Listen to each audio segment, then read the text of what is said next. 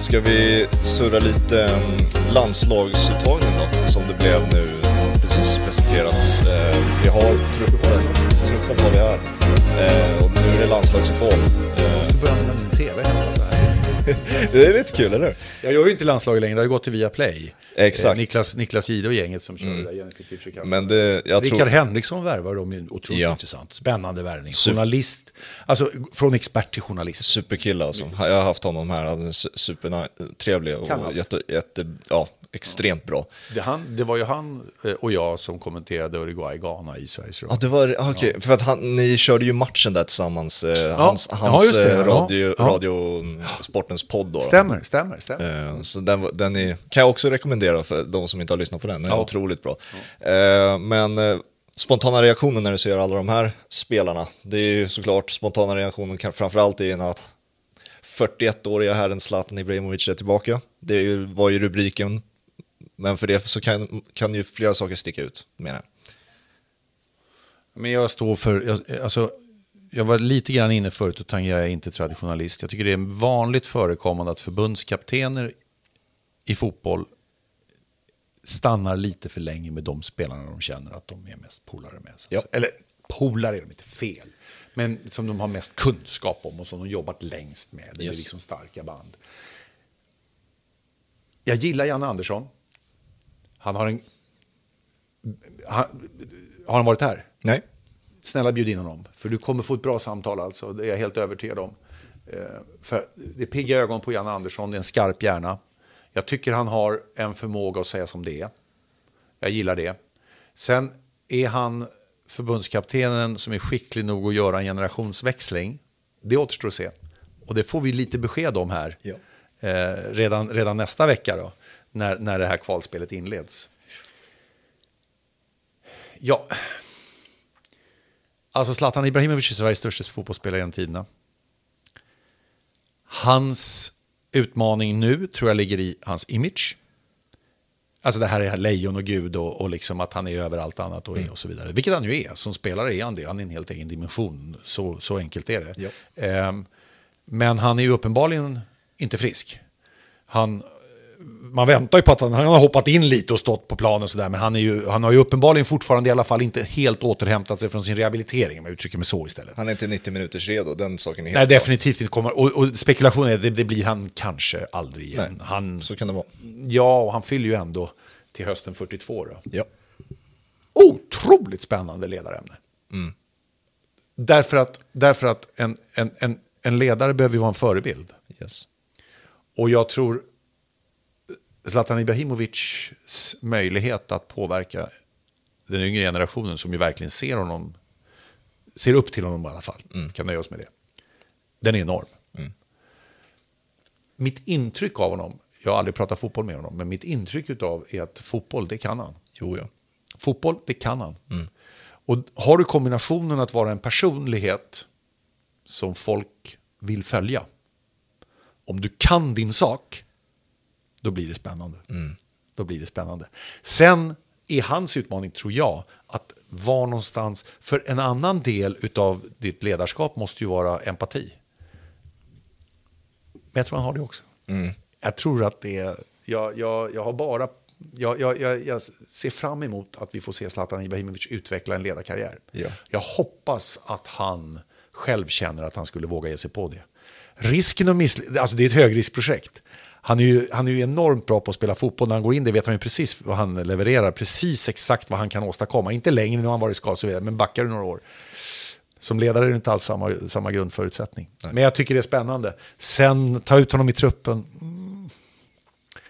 Det, det, man kan ju jämföra med till exempel Granen när han inte riktigt var Ja, du spelredo. Liksom, nu nu jämför inte jag Granen och Zlatans fotbollsmässiga karriär. Om någon lyssnare trodde det så kan de väl vänligen höra av sig. Så. Skriver upp er på en särskild lista. En, men, det, Människor vi inte håller med. Ja. men det är väl liksom att, eh, som du säger, Janne gillar ju de här typerna av figurerna som han kan luta sig på. Mm. Liksom, eh, förvänt, han kan ha flera, han, hans eh, ledartyper finns redan där i omklädningsrummet. Han behöver inte ta hela det stora lasset Mm. själv. Och så- alltså Zlatan har ju varit en ledartyp, alltså gått över från spelaren till ledaren sen den första korsbandsskadan egentligen. Han var det i Galaxy och han har varit det sen han kom tillbaka till Milan. Liksom. Han har ju varit mer ledaren än spelaren liksom, på många sätt. Vi vet inte om det var korsband, va? men vi drog ju den slutsatsen. Nu senast, Nej, men första gången har han bekräftat det.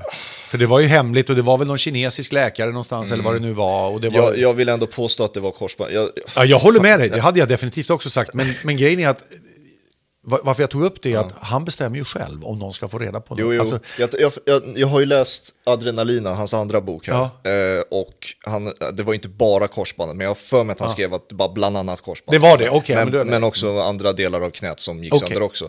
Okej, eh, och därför tog det så lång tid. Men jag kan ha fel där, det var ett tag sedan jag läste boken. Men eh, jag har för mig att han bekräftade det då. för det var väl säkerligen korsband igen. Va? Det, det har han sagt, att, han, eh, att det var korsbandet nu. Och, Med det, tanke på dubbla korsbandsskador, 41 år och komma tillbaka. Det är ju man...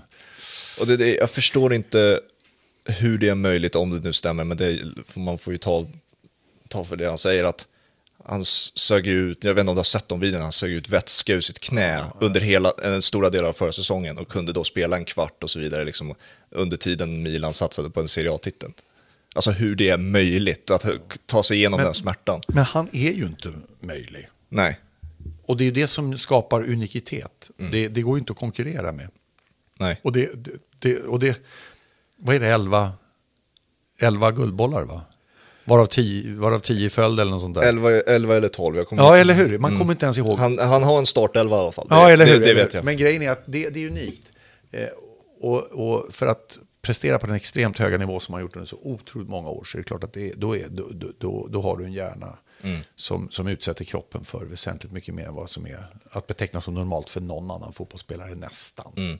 Vad, vad, är man, vad ser du för typ av, vad har du för förväntningar på ett svenskt landslag nu när Janne har varit eh, ifrågasatt och sånt där spelmässigt framförallt, men också numera resultatmässigt. Det var ju rörigt när det skulle testas ett nytt spelsystem mot, de, mot bättre lag, bättre nationer. Det, Yes. var ju, det var ju inte bara rörigt, utan det var ju lite jobbigt att titta på faktiskt. Det funkar ju inte riktigt. Eh, för mig är det hur Janne Andersson hanterar generationsväxlingen som han måste göra. Och jag tycker den här truppen, jag, jag tycker det här känns, eh, jag tycker det känns spännande. Jag, jag ser fram emot Belgien-matchen. Eh, alltså, hur mycket som helst. För, för, men grejen är så här, det måste ju visas också. Yes. Och det, du har ju verkligen den möjligheten mot ett Belgien dessutom som är i samma läge. Alltså det har ju varit den här gyllene generationen har ju haft sin, det har man ju pratat om, hur många mästerskap här i EM, VM så har det varit det. Och det, är liksom, det var väl en eh, medaljmatch va, 2018 Yes. för belgarna. Men, men liksom det har varit, de har inte riktigt, men ändå. Det, om man mest, Kevin De Bruyne säger ju mest att det är, han är trött.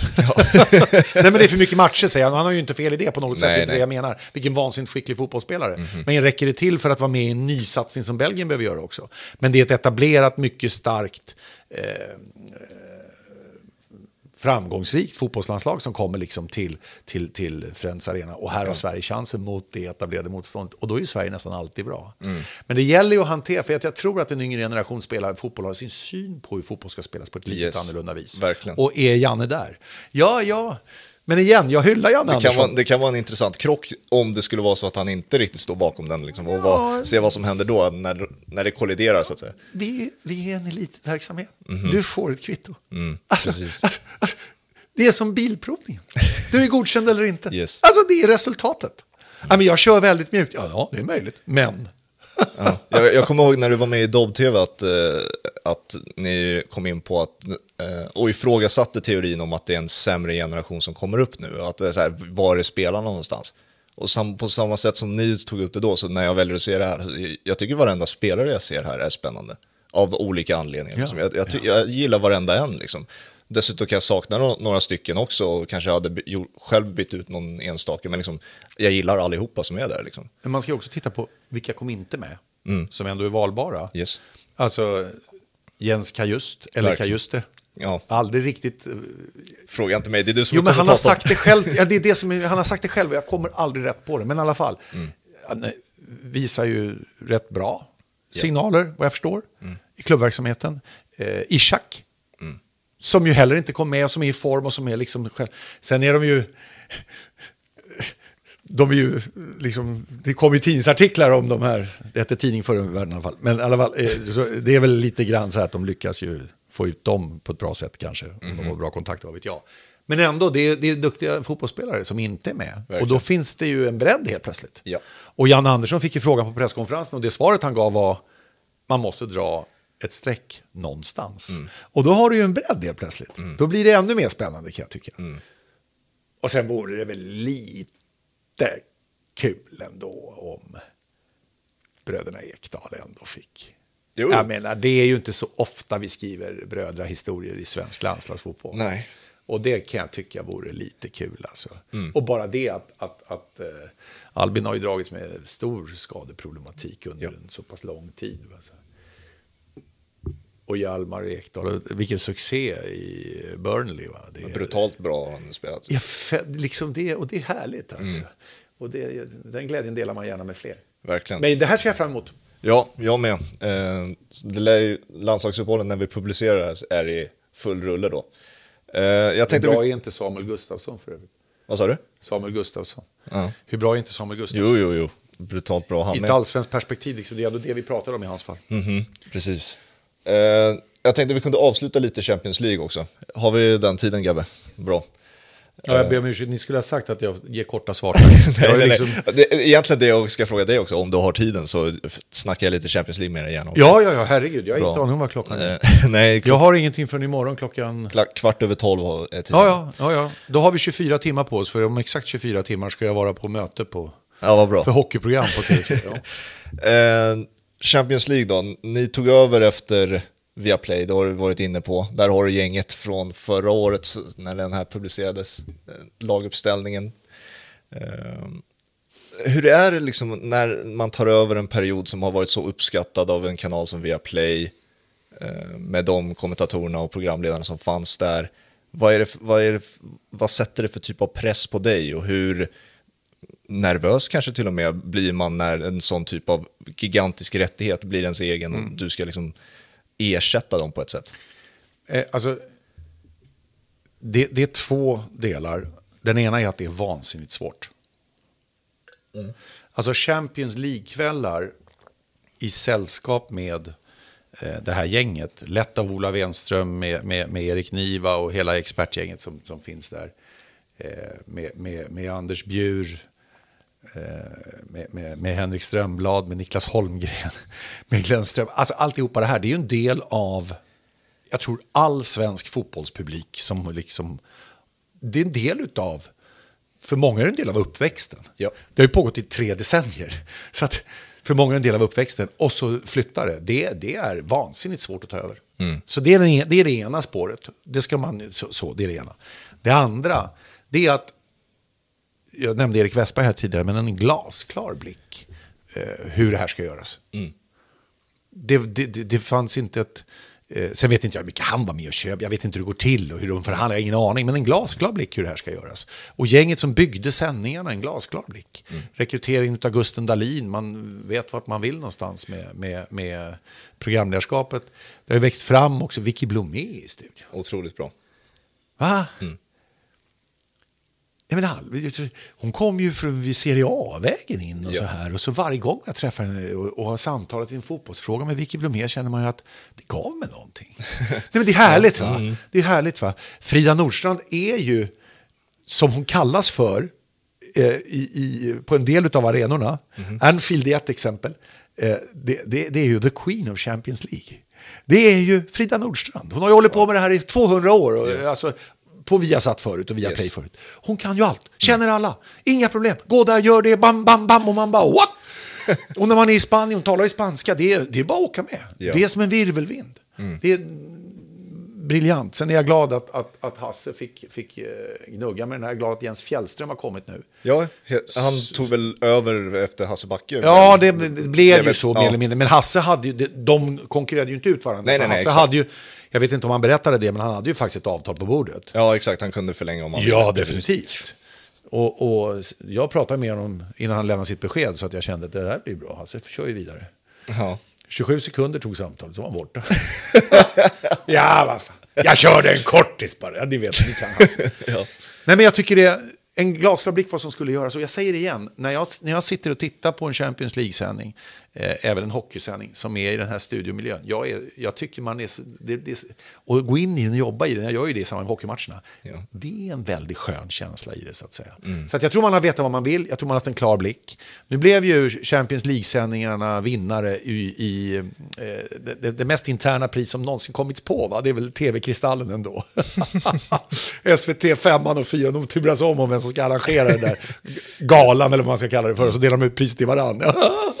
ja, men, men jag säger så troligtvis beroende på att jag aldrig har varit nominerad till någonting och aldrig vunnit någonting. Men eh, som en del i det här, det blev ju alltså ett jurypris, Ja. eh, tv-människor, som utsåg Champions League-sändningarna eh, till, till bästa sportsändningar i någon kategori, på sport då antar jag. Eh, och det tror jag var värdefullt för hela gänget som jobbar med det här. Jag pratar om alla som är bakom, som inte syns, liksom, utan de som strukturerar och bygger det. Och jag skulle på, nu är jag ju därifrån och jag är ju med på en del av det här snacket, då, långt ifrån strukturella byggnationerna, men med på en del av snacken. Och det är proffs, liksom.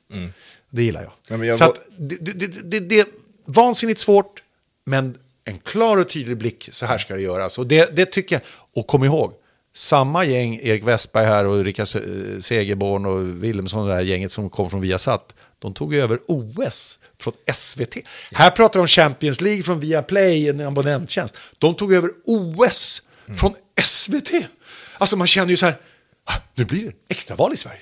Klarar nationen det här? SVT ska inte sända. Hur ska vi klara? Hur ska vi klara?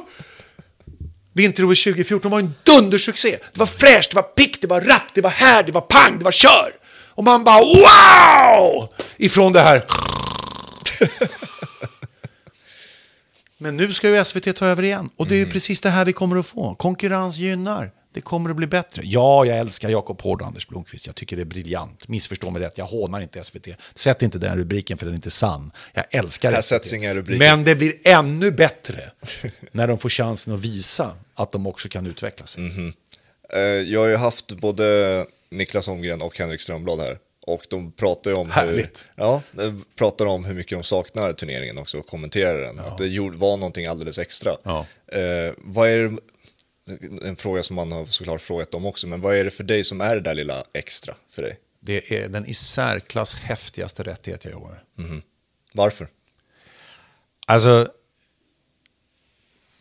Jens och jag gjorde vår första Champions League-match, Bayern München, Paris Saint-Germain. Den andra var Real Madrid eh, mot Liverpool. Ganska bra hopp. Ja, ja, ja. Men liksom... Och inför matchen, den var ju med absolut största tillgängliga sannolikhet avgjord när den började. Liksom. Men under uppvärmningen så Jens satt med dator fram och så här höll på med någonting. Eh, så, så jag satt bredvid och då slog han, så slog han på mig så här. Det är ju livat så man hör ju inte varandra direkt så här. Så slog han på mig. Så pekade han. Real Madrids uppvärmning, de hade en avslutsövning, eller vad man, övning är det väl inte, men de, avslut liksom, från höger och från vänster. Och, och Jens sa, alltså, Tony Kroos, varje gång. Benzema, varje gång! Alltså, han, han bara, det var så sjukt, på uppvärmningen. Och det, nivån av det vi pratar om, det är en fotboll som inte finns någon annanstans. Därför att VM och EM, det är det bästa från respektive land Yes. Vi kommenterade just svenska landslagstruppen och pratade om en allsvensk spelare där, nämndes här. Så. Yes. Det finns ju den mixen i ett landslag. Här är det det bästa som finns i de bästa klubblagen. Och det är en nivå på uppvärmningen som är magisk. Och så kommer det till att ja, det är Stadio Santiago Bernabéu. Och spanjorerna, alltså han presidenten där är ju liksom, nej men vi bygger om vår arena. Det är inte en ombyggnad av arenan. Den byggs om av Real Madrid. Och du vet, och då är det 8-10 miljarder.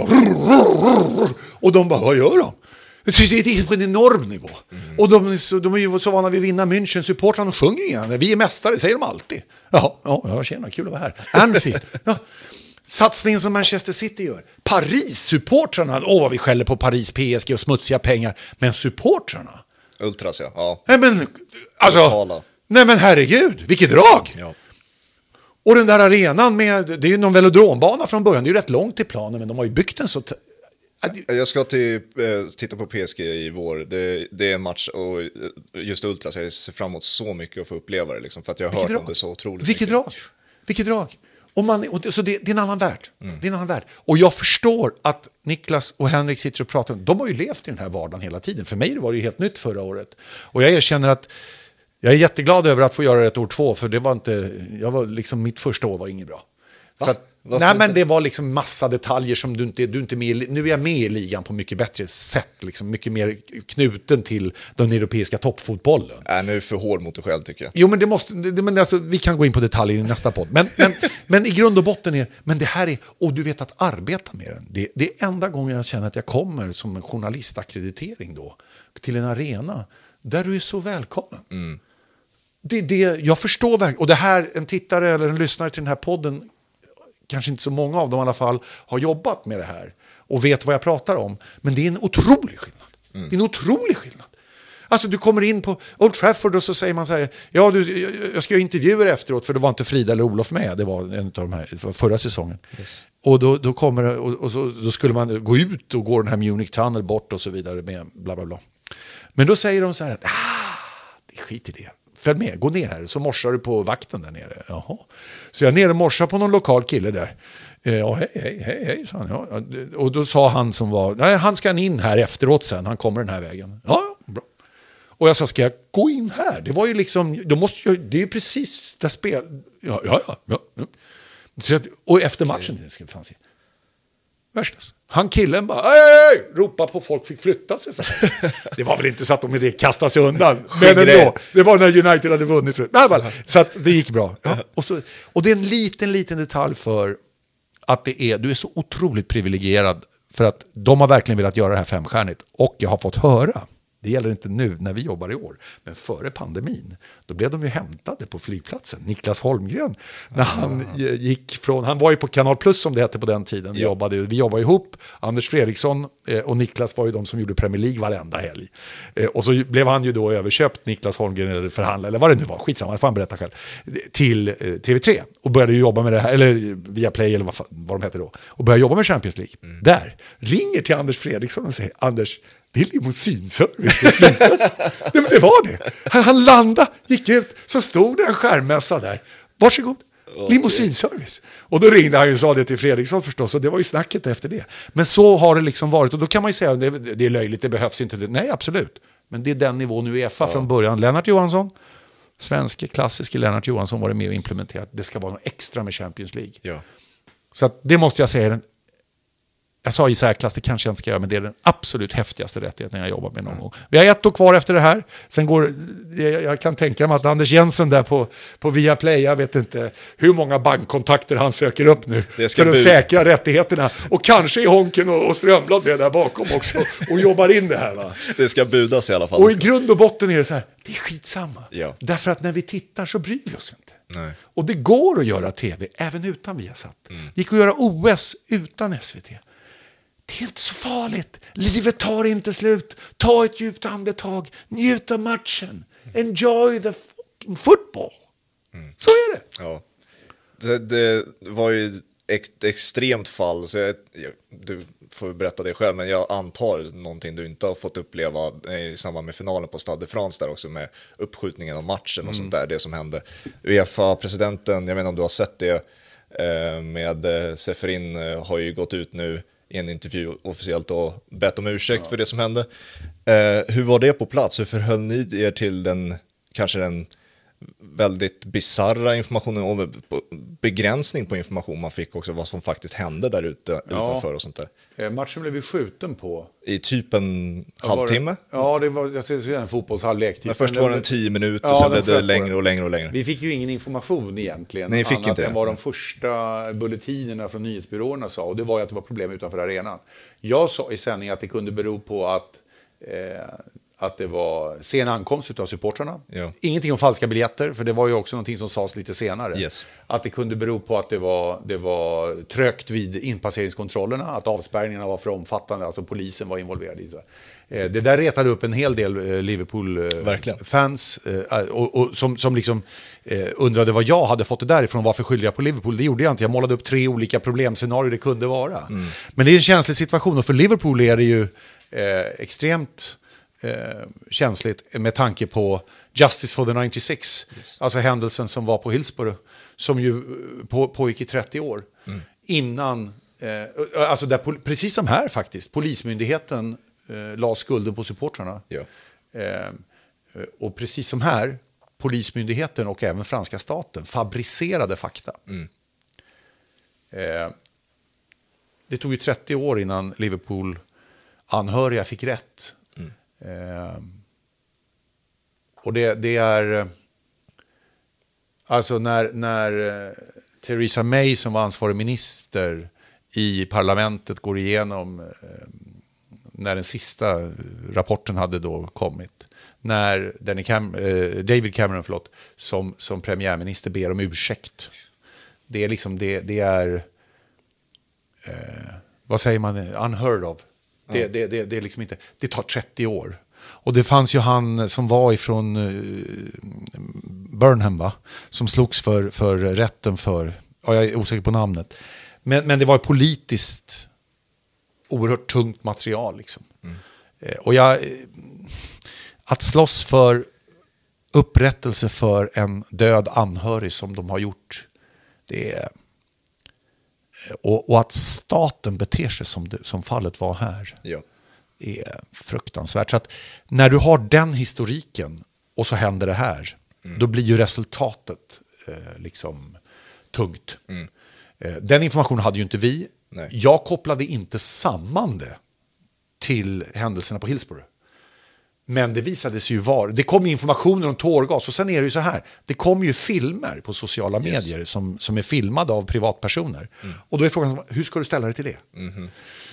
Du måste ju värdera den, det är journalistik. Du måste ju värdera den informationen som kommer, vad, vilken är källan, vad är det som har hänt, vad, vad, vad vet vi och så vidare. Eh, tack och lov så rapporterades det ju inte om, eh, det var ju inga dödsfall. Nej, och, och, och, så pass långt måste man gå, det var inga dödsfall. Mm. Men jag har största respekt för, för, inte minst för de som kan koppla samman det här med händelserna på Hillsborough, att det händer Liverpool igen. Mm. Och att Uefa tillsätter en oberoende utredning, den behövde ju nästan, vad var det, drygt halvår på sig, ja. sju, åtta månader. Men de kom ju ändå fram till ett slutsats, den här oberoende utredningen, mm. som ju inte direkt är försiktig Nej. i att peka ut var ansvaret ligger. Mm. Och man kan inte anse att det var någon lord hit och dit som, eh, som bara gick på myndighetens väg. Utan den oberoende utredningen pekade ut Uefa som ansvariga. Ja. Och pekade ju ut, det var väl inrikesministern i Frankrike och myndigheten mm. i Frankrike som lögnare. Mm. Så det är ju liksom tunga, tunga eh, slutsatser. Mm. Men, men som så ofta i svåra situationer. Det här var ändå en situation som innebar att matchen kom igång efter en stund. Yes. Det var ju fullt då inne på arenan, mer eller mindre. Liksom det fattades säkert. Men i grund och botten så var känslan att det där var löst. Så att säga. De hade kommit in och vi visste inte om vad som hade hänt egentligen. Men, men det är en svår situation hur du ska hantera, eh, och det är journalistik. Hur, hur gör du? Mm. Eh, vad du väljer att säga, för det är ju alltid ett val. Eh, Andy Burnham hette han tror jag.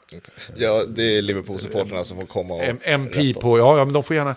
Och, och jag, jag hade en diskussion på, på, på, på mitt Twitterkonto där, eller vad man säger på sociala medier i det här ärendet. Så att säga. Men jag har största respekt för, för att det är en, en oerhört knepig situation, en oerhört knepig känsla. Christian Eriksen. Just det, du, den, kom, du kommenterade ja, den Hanna Marklund gjorde den från tv-bild i Stockholm. Christian Eriksen faller ihop i slutet på första halvlek i EM-öppningen mellan Danmark och Finland.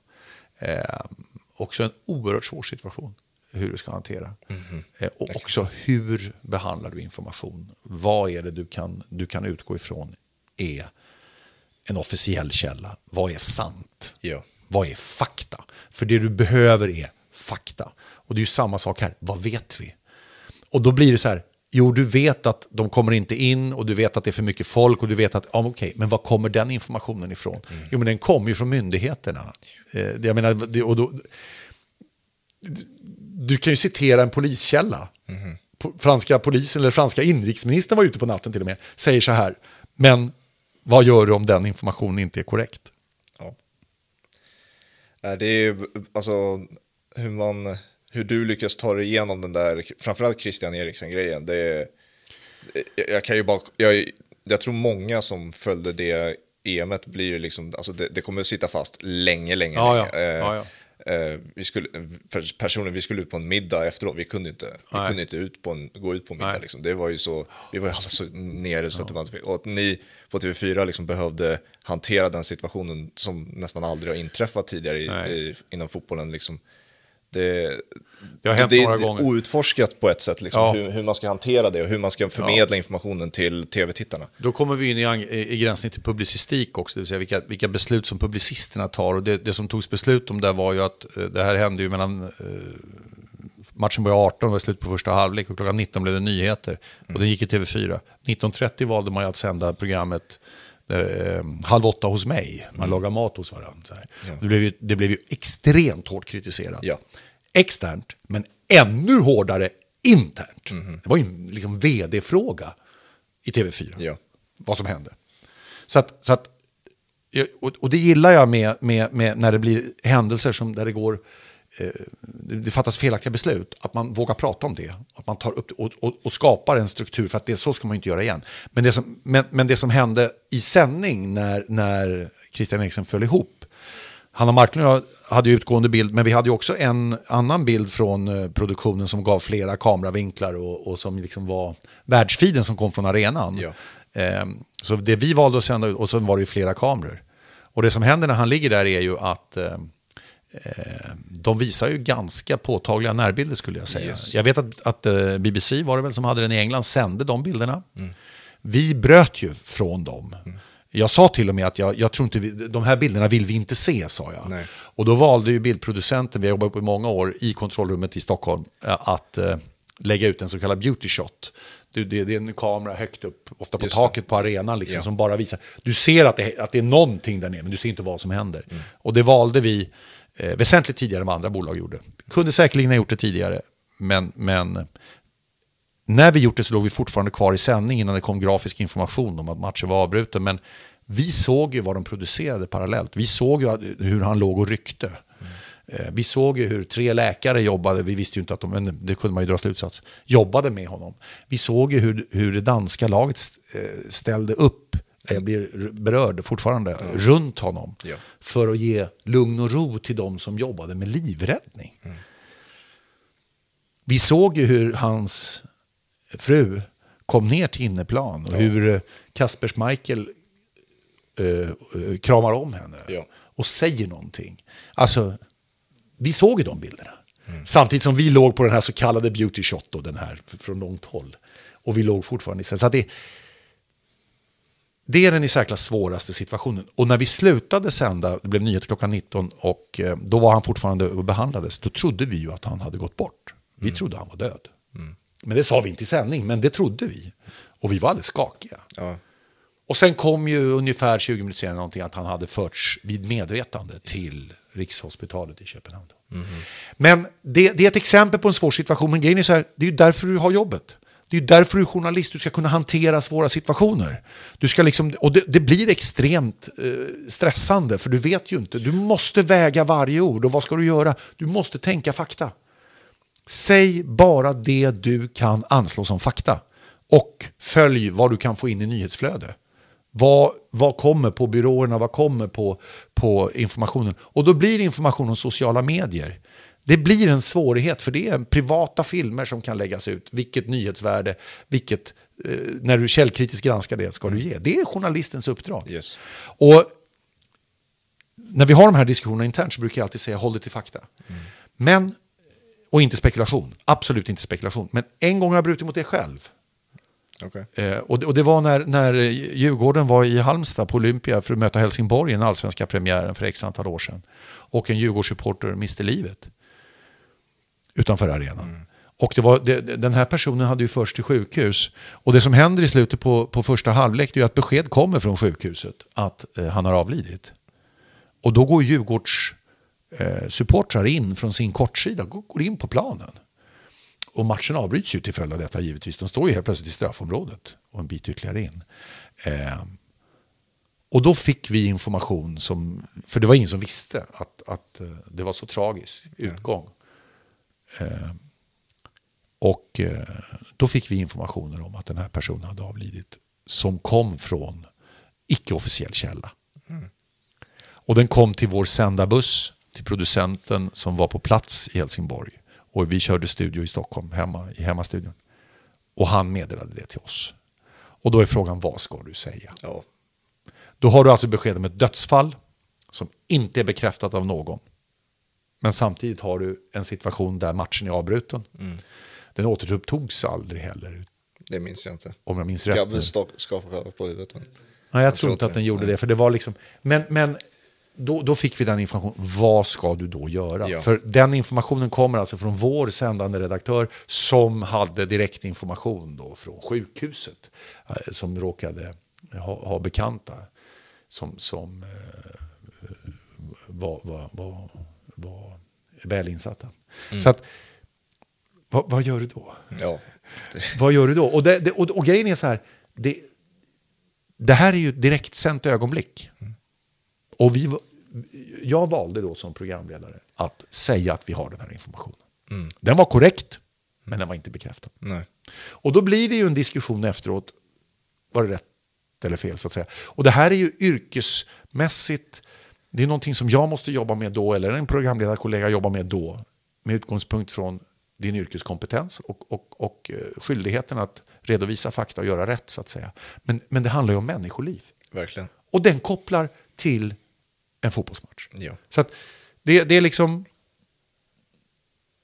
Det, jag säger inte att det är enkelt, men jag skulle nog påstå att det är viktigt.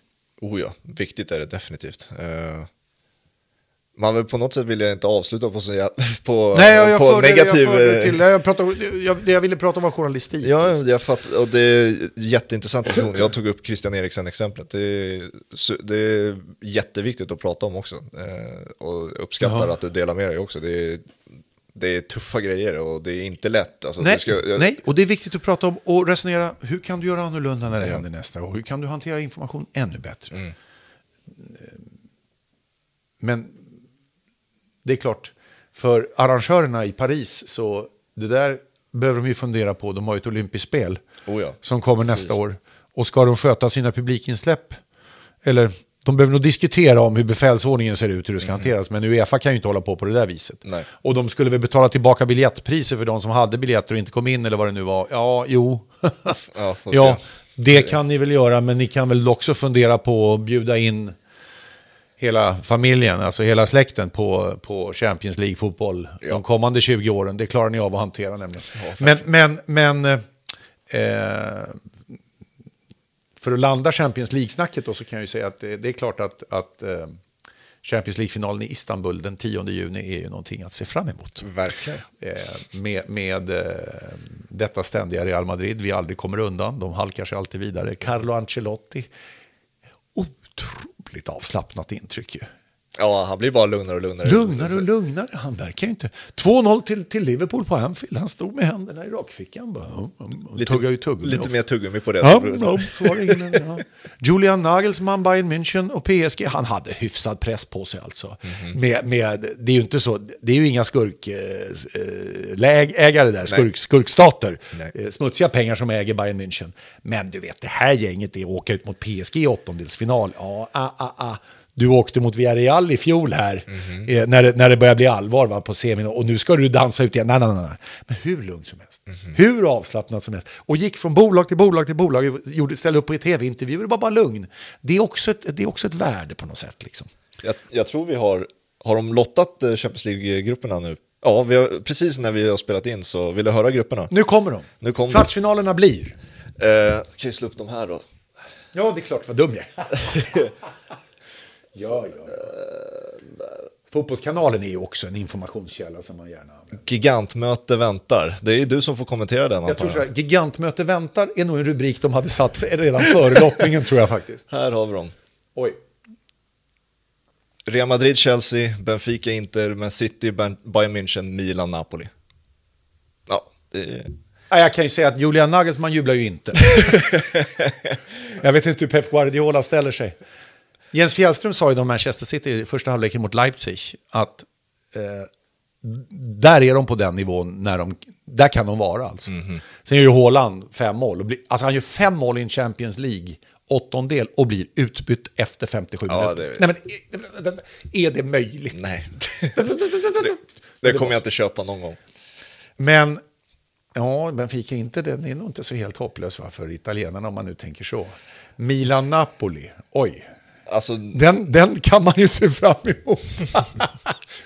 Ja. Nu blir det livat med Serie A. Det finns ju mycket Serie A-folk på Simor. ja, det, det kommer bli kul. Men det är klart, Real Madrid, Chelsea och Manchester City, Bayern München. Vad säger Graham Potter? Den, de möttes ju, var det inte också i kvartsfinal förra Jo, året? ju? du var ju på plats på Bernabéu där när Benzema le har lekstuga. Ja, så det hade han ju hela tiden. Ja, i och men, sig. men, men, ja, men Real vann, väl, vann ju i London stort. Just det, det var ju 3-1 London. eller vad det var. Hattrick av Benzema var det ju. Så var det Ja, det var mot PSG.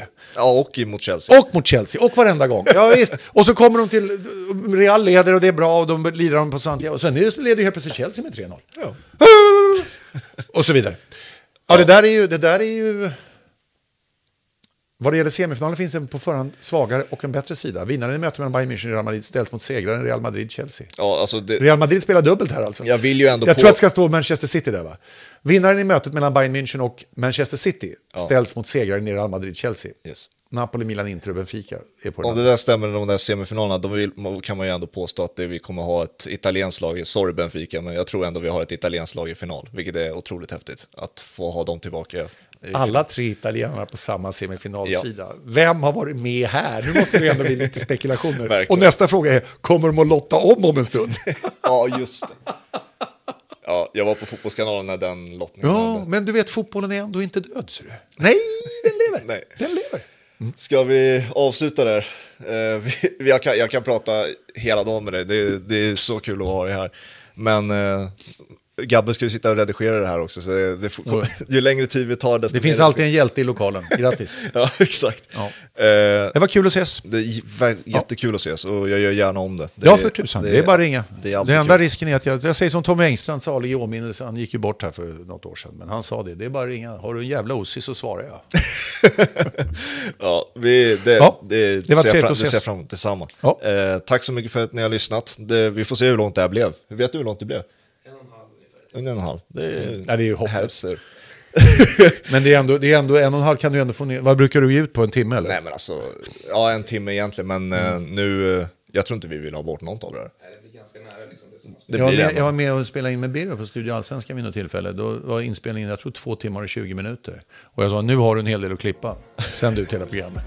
det är inte en människa som orkar lyssna. Vem vem kan avsätta så mycket tid? Vi har ju saker att göra i våra liv trots allt. Stort tack alla att ni har lyssnat. Tack så mycket. Vi Tack så hörs mycket. och ses. Tja. Hej, hej.